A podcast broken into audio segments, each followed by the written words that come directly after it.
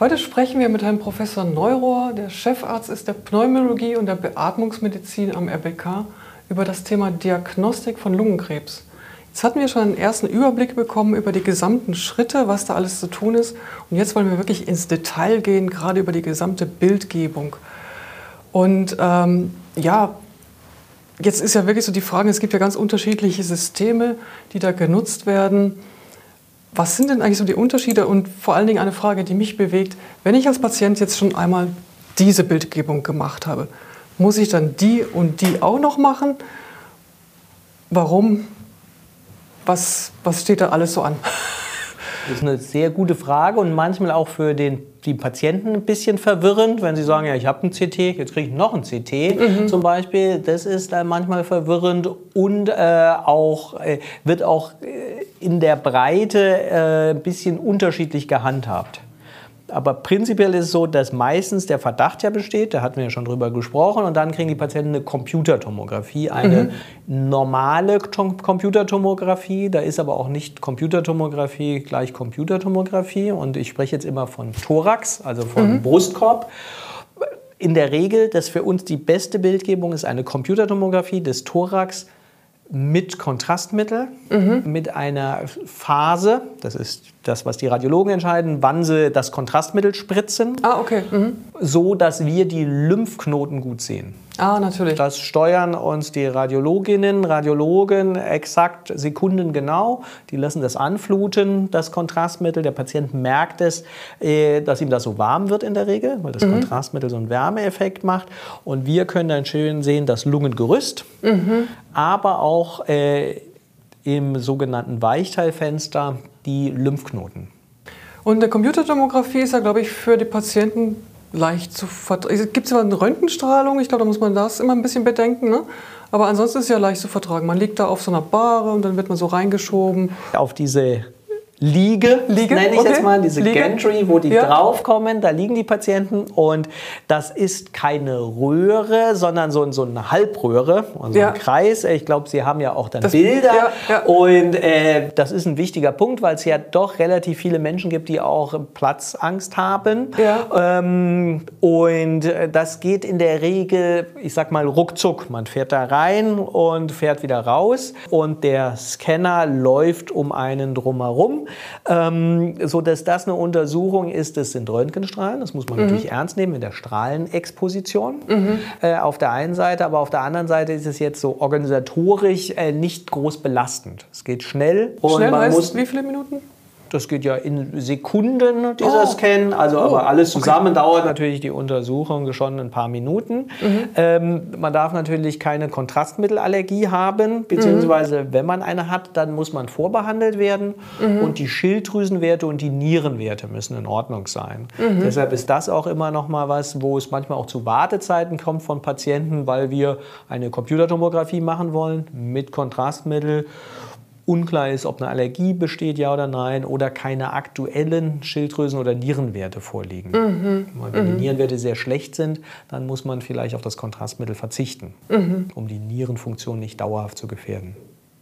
Und das CT ist das sozusagen das Instrument für die Diagnostik äh, oder? In der Regel ja, ist das das, was wir brauchen, wenn wir sagen, jawohl, man hat den Verdacht. Mhm wenn man äh, sagt, jawohl, man hat den hochgradigen Verdacht schon vorher, weil es irgendwelche Anschnitte gibt oder eine, manchmal gibt es sogar MRTs von der Lunge und so weiter, mhm. äh, dann äh, und man will sagen, jawohl, man will auch nicht unnötige Untersuchungen machen, aber der Verdacht auf einen Lungenkrebs ist sehr hoch, mhm. dann ist es gut, wenn man ein sogenanntes PET-CT hat. Mhm. Das ist auch eine Computertomographie, äh, kombiniert, ähm, ich bin jetzt kein Radiologe, äh, kombiniert mit mit einer Darstellung des Glucose, also des Zuckerstoffwechsels, mhm. weil äh, die meisten Tumoren äh, PET-positiv sind, das heißt, sie haben einen erhöhten Zuckerstoffwechsel. Die sind halt sehr aktiv, die verbrennen richtig Energie, die suchen sich genau. immer die Energie, holen sich die Energie und ja, okay. Genau, mhm. und deshalb, äh, wir sagen dann, leuchten die im CT. Ach, okay. äh, und äh, die Lymphknoten, das ist der besondere äh, Punkt für uns, die kann man dann auch äh, noch besser beurteilen. Also man kann mhm. nicht nur sagen, ob ein Lymphknoten vergrößert ist, So, das ist ja was, was wir durch das Kontrastmittel okay. sehen. Ob, da gibt es ja bestimmte Größen, ab denen man sagen wollen, das ist auffällig pathologisch an der Stelle, sondern man kann auch sagen, ob sie vermehrt stoffwechselaktiv sind. Mhm, was also, dann immer ein negatives Signal was, ist. Man kann dann nicht sagen, es ist sicher, Patholo also sicher Krebs, aber ja. es, ist, es gibt auch andere Erkrankungen, Infektionen, die das mhm. machen, erhöht mhm. sind. Aber es ist natürlich, wenn die Verdachtsdiagnose ist, äh, jawohl, äh, das sieht eigentlich aus wie Lungenkrebs in mhm. der Computertomographie und die Lymphknoten in der Nähe leuchten, sage ich mal, mhm. äh, dann ist das schon sehr auffällig. Mhm. Und diese Computertomographie, diese PET, diese Positonen-Emissionstomographie, PET, die sagt uns dann äh, zum Beispiel auch, ob es Hinweise gibt für Knochen- oder Lebermetastasen.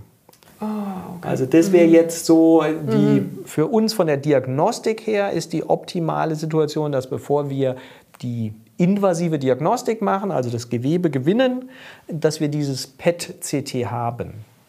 Und ist das für die Patienten ungefähr gleich vom Erlebnis wie das CT? Oder, das ist ein oder bisschen ist zeitlich aufwendiger. Okay. Man kriegt da ja auch äh, dann ist ja eine Kombination mit einer nuklearmedizinischen Untersuchung. Äh, das ist aufwendiger mhm. ähm, und ist auch teurer und so weiter. Und das sollte auch nur bei dem entsprechenden Verdacht auf den Lungenkrebs auch gemacht werden, wenn es ein hinreichendes Verdachtsmoment gibt. Und hat aber den, äh, den Charme, sage ich mal, dass das einen Großteil des Stagings auch mit abdeckt.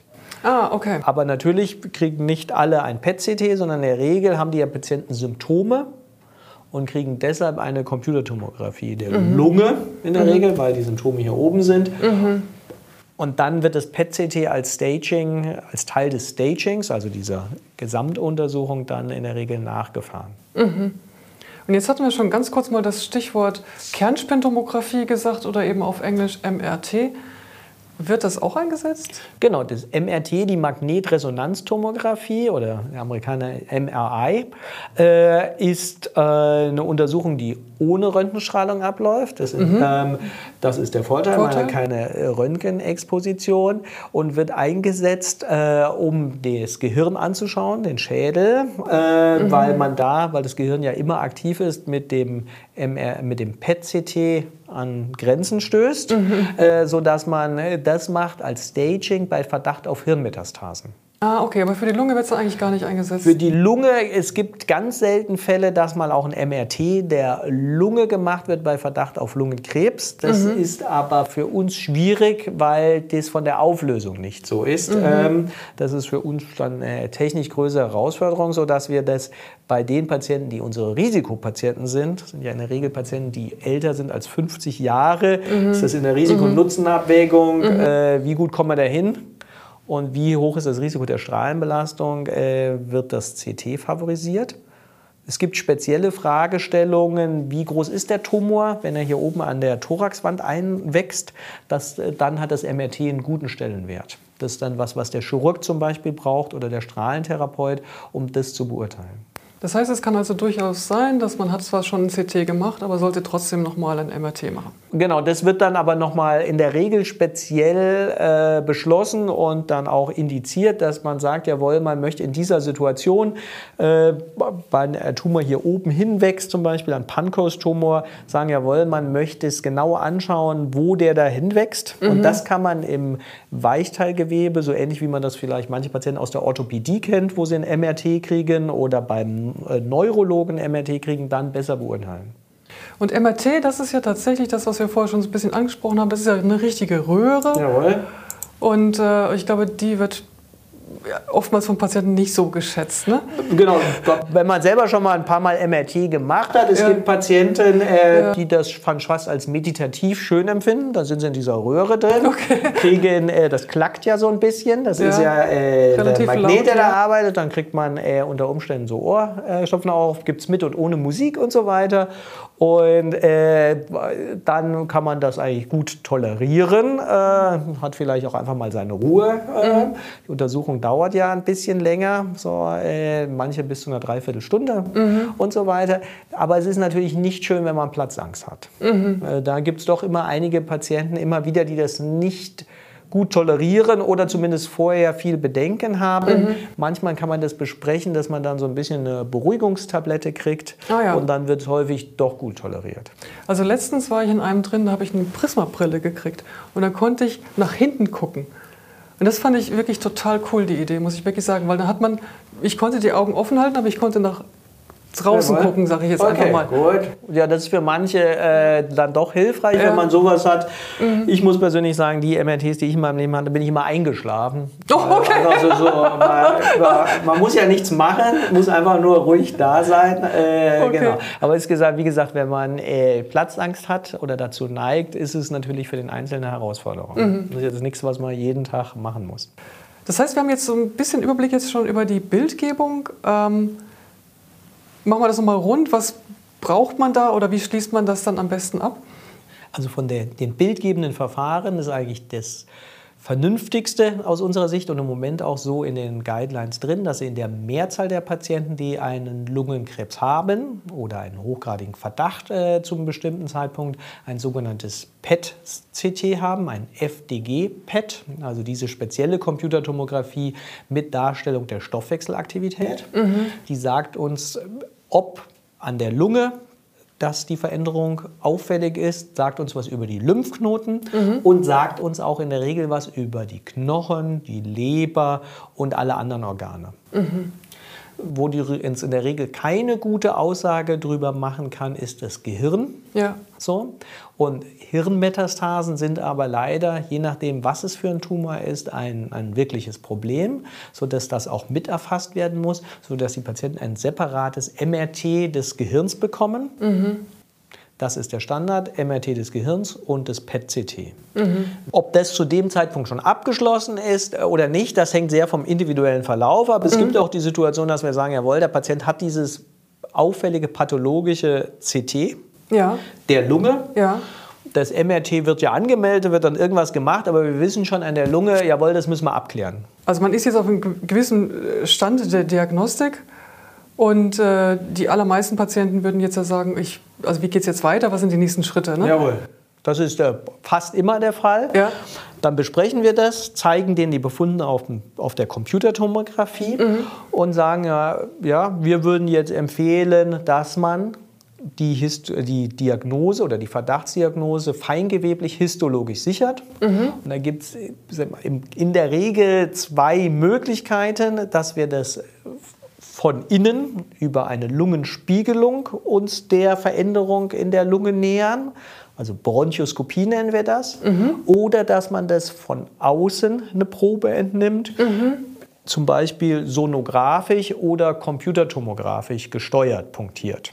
Das heißt, man nimmt dann wirklich eine Nadel und, und geht dann irgendwie, keine Ahnung, zwischen dem Rippenfell. Genau, das äh, machen dann die Radiologen in der ja. Regel. Das wird computertomografisch gemacht, wird eine lokale Betäubung dann gemacht mhm. und dann wird von außen im Rahmen einer Computertomographie, die Patienten kennen ja das schon, von außen reingestochen. Das Verfahren hat den Vorteil, dass sie den Patienten äh, nicht wie im Rahmen einer Bronchoskopie ja einschlafen lassen müssen, damit sie da in Ruhe äh, hinfahren können können äh, und ist gut geeignet für Veränderungen, Tumoren, die halt sehr weit außen an der Lunge sind, also mhm. sehr nah an der Brustwand. Mhm. Wo der Radiologe sagt, jawohl, da komme ich direkt hin, muss nicht groß durch die Lunge durch. Mhm. Weil immer, wenn man von außen mit einer Nadel in die Lunge reinsticht, äh, das kann man sich ganz gut vorstellen, kann natürlich auch eine Verletzung sein.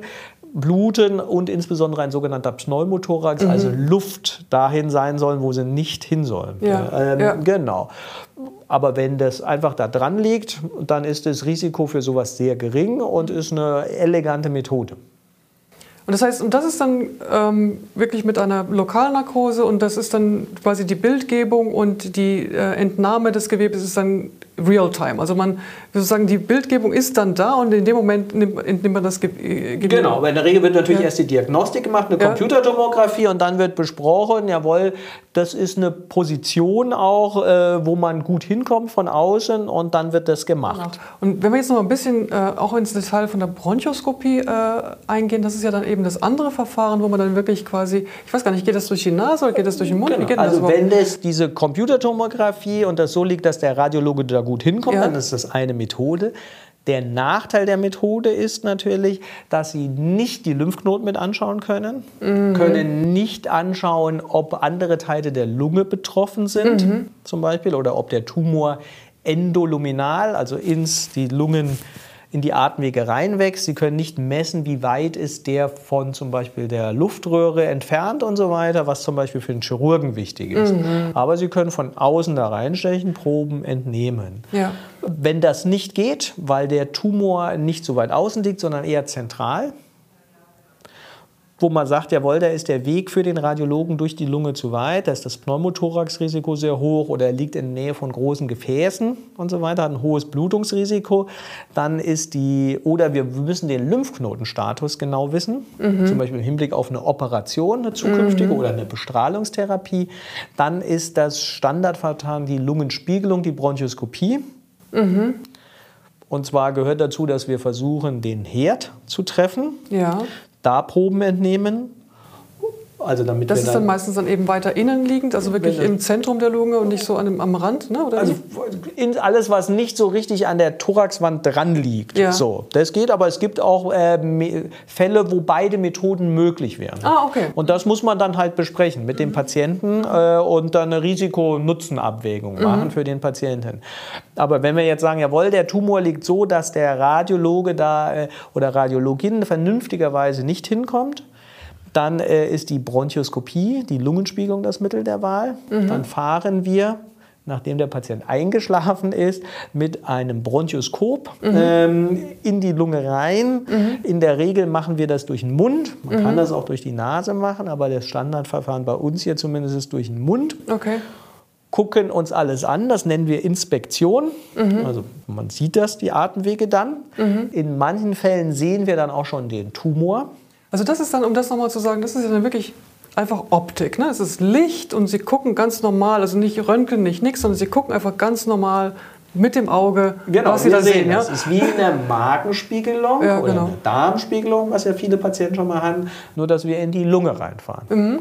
Und sehen das und man kann ja, die Lunge zweigt sich ja immer weiter auf die Atemwege und sie können bis auf eine gewisse Weise, also bis auf eine gewisse Teil des, dieses tracheobronchialen Baumes nennen wir das, zweigt sich ja immer wieder auf wie so ein Baum, äh, gucken. Wir mhm. haben mittlerweile sehr kleine, sehr genaue Geräte, können also relativ weit in die Lungenperipherie, also nach außen gucken, mhm. wenn wir den Tumor sehen. Mhm. Durch diese Optik hier, äh, dann entnehmen wir da einfach eine Probe mit einer Zange.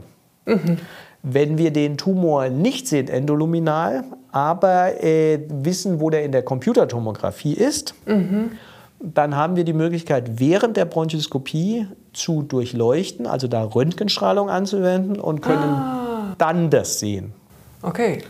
Und da will ich jetzt gar nicht so sehr ins Detail gehen. Wir haben noch die zusätzliche die Möglichkeit, da hinzufahren mit ganz, ganz feinen Bronchoskopen. Mhm wo eine Ultraschallsonde drauf ist, wo wir dann nochmal zusätzlich genauer sehen können, wo dieser Tumor ist, damit mhm. wir noch besser lokalisieren, wo wir die Probe entnehmen mhm. können. Und wir haben auch hier jetzt und in manchen anderen großen Zentren gibt es auch so ein sogenanntes Navigationssystem, mhm. wo wir nochmal äh, zusätzlich uns sagen können, okay, unsere Sonde ist jetzt da und wir fahren dann mit diesem C-Bogen, mit dem Beleuchtungsgerät drumherum und er sagt uns nochmal im Raum, jawohl, ihr müsst ein bisschen weiter runter oder ein bisschen weiter rüber oder rechts, um die Trefferquote, also die Genauigkeit noch weiter zu erhöhen. Mhm.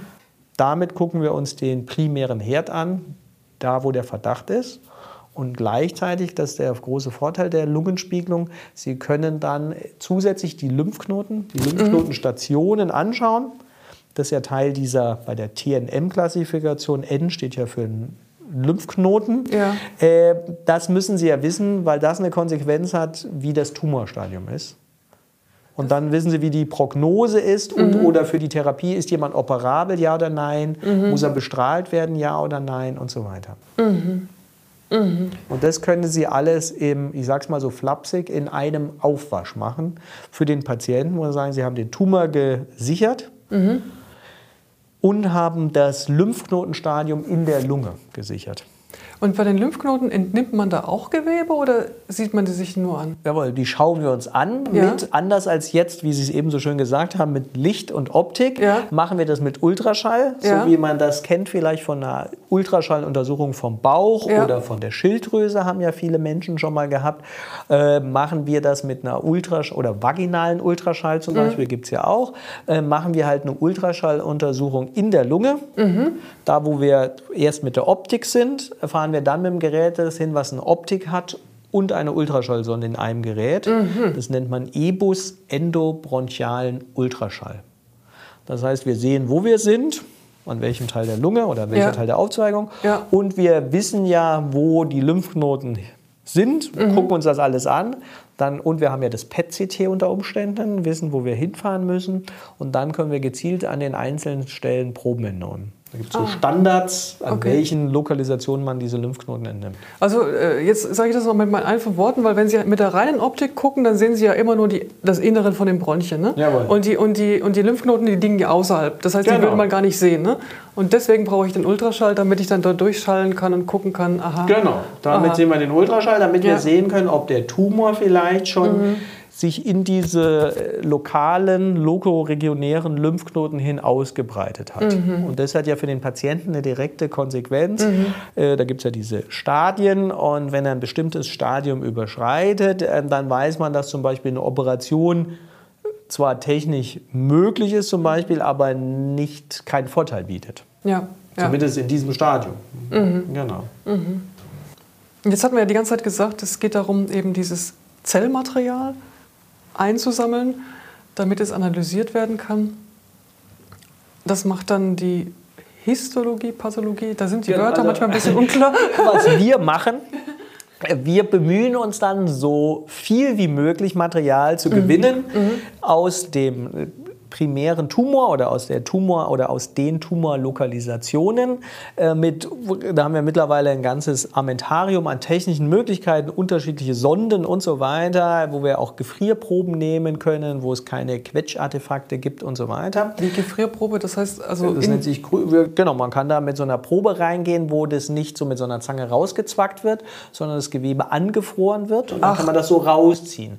Das hat den Vorteil, dass das nicht wie durch eine Zange so gequetscht wird. Äh, Dann gibt es keine, diese Quetschartefakte, nennt man Ja, das dann, okay. wo der Pathologe dann sagt, ja, da haben wir Gewebe, aber das sieht so, Ist kaputt. Äh, ist nicht gut zu beurteilen. Das ist für uns natürlich sehr frustrierend und für Patienten auch. So dass wir da versuchen natürlich immer das technisch Neueste sinnvoll dem Patienten anzubieten. Wie gesagt, mit diesen ganz kleinen Geräten, mit diesen unterschiedlichen Sonden und da werden wir ein, oder und diesen Navigationssystemen, da werden wir eigentlich auch immer besser über die Jahre. Ähm, und gleichzeitig werden die Ansprüche der Pathologen oder der Onkologen äh, sind gewachsen oder werden immer höher, so dass wir versuchen, da so viel wie möglich Material zu gewinnen oder ausreichend Material zu gewinnen aus dem Tumor, sage ich jetzt mal, und aus den Lymphknoten. Und äh, das schicken wir dann zu den Pathologen. Und wie gesagt, ich bin kein Pathologe, aber was die machen ist, wenn die Gewebe haben, dann nennt man das Histologie. Und wenn das Zellen sind oder nur Zellverbände, dann Zytologie. Entscheidend am Ende des Tages ist, ob der Pathologe oder Pathologin dann schreibt, jawohl, er kann aus dem Material sagen, jawohl, es ist ein Tumor, ja oder nein, dann bestimmte Standardfärbungen machen, wo er zum Beispiel sagt, sieht aus wie ein Adenokarzinom oder hat bestimmte Marker, TTF1 und so weiter, verschiedene Marker, dass er uns sagt, zum Beispiel ist ein Adenokarzinom oder ein Plattenepithelkarzinom oder ein kleinzelliges äh, Lungenkarzinom, da will ich jetzt gar nicht auf die Nomenklatur so eingehen. Und zusätzlich, er kann an diese speziellen molekulargenetischen Untersuchungen machen, Ja. die ja heute einen sehr hohen Stellenwert haben und noch Sachen wie äh, PDL1-Expression und so weiter. Die, Da- das alles direkte Konsequenzen hat dann für die Therapie. Also da werden wir dann nochmal weitere Filme zu machen, wo wir genau auf diese Themen dann nochmal im Detail eingehen werden. Ja, ja, ja. Mhm. Jetzt ist dann ja da wirklich schon das ganz Wichtiges rausgekommen, also eben welche Sorte, also jetzt haben wir ja wirklich schon ganz, ganz viel Informationen gesammelt. Wie wird denn dann der Patient dann informiert oder wer macht denn das dann überhaupt? Das ist eine sehr gute Frage und in dieser Kombination aus, wir machen die Diagnostik Und dann fragen die Patienten, Patienten ja direkt auch, äh, wenn sie wieder wach und fit sind, ausgeschlafen sind, wieder was zu essen gekriegt haben und es keine Komplikationen gegeben hat, äh, dann ja, wie geht es denn jetzt weiter? Mhm. Und manchmal können wir denen äh, sagen, äh, wir haben den Tumor gesehen. Mhm. Das ist aber natürlich eigentlich nicht so eine gute Situation, weil je mehr wir sehen können, desto größer ist der Tumor. Ja, das stimmt. Ähm, ja. Aber wenn das trotzdem so ist, dann können wir das natürlich sagen, wir haben den Tumor gesehen. Wenn wir ihn, Anführungsstrichen, nur mit der Optik gut gesehen haben, dann ist unsere Trefferquote auch, ich will nicht sagen 100 Prozent, aber sehr hoch. Mhm. Dann können wir denen sagen, jawohl, äh, das ist jetzt in der Pathologie. Die Kollegen dort äh, fangen jetzt an, direkt an zu arbeiten und müssen das alles genau untersuchen die können uns in der Regel nach ein, zwei Tagen sagen, ob das Material, was wir gewonnen haben, ausreichend ist für die mhm. Diagnostik. Mhm. Und können uns dann schon sagen, jawohl, es ist ein Krebs, ja oder nein. Ja. Alles Weitere sagen die dann, jawohl, jetzt machen wir unsere ganzen Färbungen, unsere weiteren Untersuchungen. Und äh, das kann dann mehrere Tage bis ein, zwei Wochen dauern. Mhm. In, in, der Regel. Mhm. Dann, äh, diese Zeit wird dann genutzt, um zum Beispiel das Staging zu komplettieren. Wenn zum Beispiel diese MRT-Aufnahme noch nicht gemacht ein, genau. worden ist, zum Beispiel, dann wird das noch gemacht. Mhm. Äh, und dann fängt eine Zeit an, die für die Patienten häufig sehr belastend ist, dass sie sagen, jawohl, ich höre gar nichts, was mhm. ist denn da los? Mhm. Äh, warum? Weil wenn alles zusammen ist, dann wird das ja in diesem Tumorboard besprochen, wo dann wir und die Radiologen, die Pathologen und die Onkologen und die Chirurgen, die Thoraxchirurgen und die Strahlentherapeuten zusammensitzen und sagen, jawohl, für diesen einzelnen Patienten wäre das der nächste vernünftige Schritt. Wenn das jetzt so ein großes Team von Leuten ist, von Ärzten, von, Ex äh, von Experten, wer ist denn jetzt schlussendlich derjenige, der mit dem Patienten darüber redet? Also wer ist denn da das der Kontaktpartner? In der Regel ist das so, dass wir natürlich, wenn die Diagnostik über uns gelaufen ist, den Patienten informieren ja. und sagen, jawohl, da ist was, äh, das und das bei rausgekommen. Mhm. Und dann, so ist es hier bei uns geregelt, der Patient aber dann, je nachdem, was dann gemacht wird, mhm. wenn entschieden worden ist, er wird operiert, mhm. oder unsere Empfehlung wäre eine Operation, mhm. dann sagen wir, äh, kommen Sie doch nächste Woche vorbei. Mhm zum Gespräch mit, mit dem, dem Chirurgen ja. oder der Chirurgin. Mhm. Und weil das natürlich dann ist, dann kommen ja ganz viele Fragen auf, äh, wo, ja. man, wo wir dann auch sagen müssen, die Patienten, wie lange muss sie im Krankenhaus bleiben? Wie groß ist der Schnitt? Was, ich mhm. weiß nicht, also sehr spezielle Fragen natürlich, wo man sagen, jawohl, kann ich alles verstehen, besprechen Sie das mit dem Chirurgen oder Chirurgin, ja, äh, ja. der erklärt Ihnen das nochmal äh, mit einer viel höheren Expertise. Ja. Wenn das eine Entscheidung ist. Wenn die andere Entscheidung ist, ähm, das muss zum Beispiel bestrahlt werden, mhm. dann äh, werden die Patienten beim Strahlentherapeuten vorgestellt, okay. Strahlentherapeutin, und kriegen das erklärt natürlich, was da gemacht wird. Und oder, was häufig der Fall ist, dass sie eine Kombination kriegen Bestrahlung und oder zum Beispiel eine Chemotherapie. Ähm, dann äh, werden sie bei unseren Onkologen, Onkologinnen hier vorgestellt und die sind ja sehr erfahren darin, dann dem Patienten zu vermitteln, was alles gemacht wird. Also mhm. wenn der eine Kombination kriegt, der Patient oder Patientin aus einer Bestrahlung und einer Chemotherapie, da muss er trotzdem schon Strahlentherapeut zur Planung ja. und Erklärung und so, aber der, die Onkologen erklären natürlich schon mal viel, was in der Regel auf die Patienten zukommt. Ja, ja.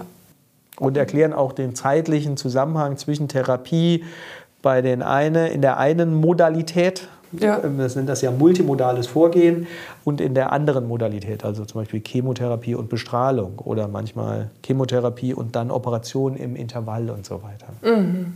Das ist dann ah, sehr kompliziert und für die Patienten auch äh, eine schwierige Phase. Mhm, das glaube ich, ja. Mhm.